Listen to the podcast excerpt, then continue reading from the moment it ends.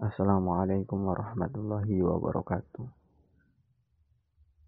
Bismillahirrahmanirrahim. Qala al-musannifu rahimahullahu taala wa nafa'ana bihi wa bi ulumihi fid dharain amin ya rabbal alamin. Bismillahirrahmanirrahim ya aliyu he aliman utawi sapane wong qara'a kang maca sapa man al-Qur'ana ing Al-Qur'an walam yuhillalan ora ngahalalaken sapa man halalahu ing halale Quran. Walam yuharrimalan ora ngaharamaken sapa haramahu ing harame Quran. Karena mongko ana sapa iku minal ladina saking golongane wong akeh nabadu kang padha buang sapa alladina kitaballahi ing kitab Gusti Allah wara aduhurihim ing dalem pira-pira kekere alladina dalam burine pira-pira kekarya Al-Adina.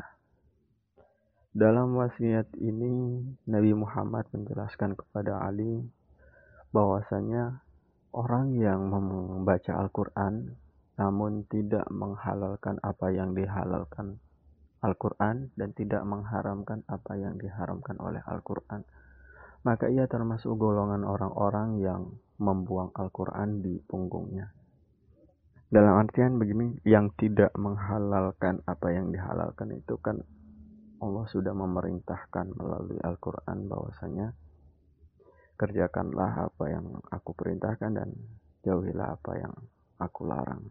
Itu definisi dari takwa sendiri. Maka ketika orang yang membaca Al-Quran dia pasti akan menemukan ayat-ayat yang diperbolehkan. Ayat-ayat ayat-ayat tentang sesuatu yang dilarang misalnya qamu salata wa atu zakah tentang perintah untuk mendirikan salat dan menunaikan zakat. Dan itu tidak di diartikan sesuai semestinya atau tidak dikerjakan sesuai semestinya oleh orang yang membaca Al-Quran tersebut. Dibalik dalam artian dia tidak menjalankan sholat, dia tidak menunaikan zakat seperti seperti perintah sebelumnya seperti perintah pada ayat tersebut. Maka dengan tanpa sebab ya, dalam artian dengan tanpa sebab ya, tahu-tahu tidak mengerjakan dan tidak menunaikan zakat atau Allah sendiri dalam Al-Quran wa ahlallahul bai'a wa harrama riba dan di sini pengertian ini dibalik bahasanya oleh orang tersebut dibalik dalam artian dia sudah membaca ayat tersebut bahwasanya Allah menghalalkan jual beli dan mengharamkan riba. Namun ia menerapkannya dengan terbalik. Dalam artian dia menerapkan juga riba ketika dia berjualan. Kan itu sudah membalikkan arti dalam Al-Quran.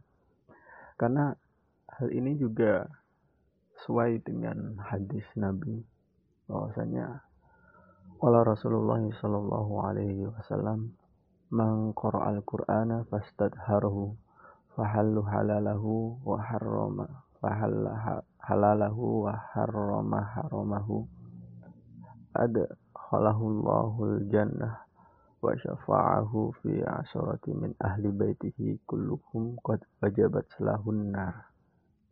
Jadi di sini barang siapa yang membaca Al-Quran dan menghafalkannya lalu menghalalkan apa yang dihalalkannya dan mengharamkan apa yang diharamkannya maka Allah Subhanahu wa taala akan memasukkannya ke dalam surga dan Allah akan menjaminnya untuk memberi syafaat kepada 10 orang keluarganya yang kesemuanya telah diwajibkan masuk neraka.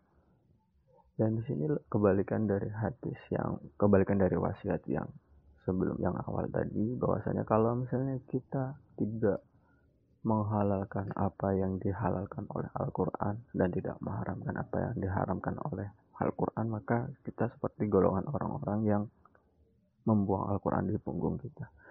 Namun ketika kita mengamalkannya sesuai dengan semestinya menghalalkan apa yang dihalalkan Quran dan mengharamkan apa yang diharamkan Quran maka di sini oleh Allah Subhanahu wa taala diberikan balasan yaitu dimasukkan ke dalam surga dan Allah menjaminnya untuk memberi syafaat kepada 10 orang keluarganya yang kesemuanya telah diwajibkan masuk neraka. Alangkah istimewanya karena memang pada dasarnya Al-Qur'an di sini adalah kitabun anzalnahu laika litukhrijan nasu minadh-dhulumati ilan nur. Bahwasanya kitab yang kami turunkan kepadamu supaya kamu mengeluarkan manusia dari gelap gulita kepada cahaya yang terang benderang. Di mana Al-Quran ini ditujukan kepada manusia diwahyukan kepada Nabi dan ditujukan kepada manusia umat muslim. Agar kita keluar dari dari zaman yang gelap menuju zaman yang terang benderang atau lebih tepatnya kepada yang kita belum tahu apa-apa menjadi kita yang bisa memahami Islam secara baik. Dan itu adalah fungsi dari Al-Quran sendiri yang diturunkan. Maka ketika kita tidak mengamak kita sudah membaca Al-Quran kita sudah memahami Al-Quran tetapi kita tidak menerapkannya kepada kehidupan kita sehari-hari yang terjadi adalah kita tidak memaknai Al-Quran sebagai sebagaimana mestinya. Tidak mem, memaknai fungsi Al-Quran sebagaimana mestinya. Yang tadinya Al-Quran digunakan untuk memberikan petunjuk atau digunakan untuk uh, memberikan uh, memberikan penerangan atau memberikan cahaya dari yang gelap menuju yang terang kita tidak memanfaatkan itu. Kita tidak menggunakan itu sebagaimana mestinya kan dan Al-Quran sendiri adalah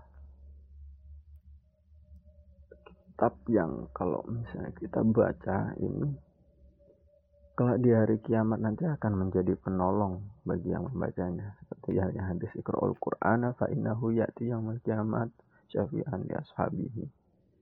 Dan sebaik-baik di antara kita adalah orang yang mau belajar Al-Quran dan mengajarkannya khairukum man ta'allama al-Qur'ana wa 'allamahu. Dan semoga kita bisa membaca, kita bisa tetap semangat dalam mempelajari Al-Quran dan punya semangat juga untuk menerapkannya dan punya semangat juga untuk mengamalkannya di kehidupan kita sehari-hari dan mengajarkannya walaupun itu hanya satu ayat. Baliwani walau ayat wabillahi taufiq wal hidayah Wassalamualaikum warahmatullahi wabarakatuh.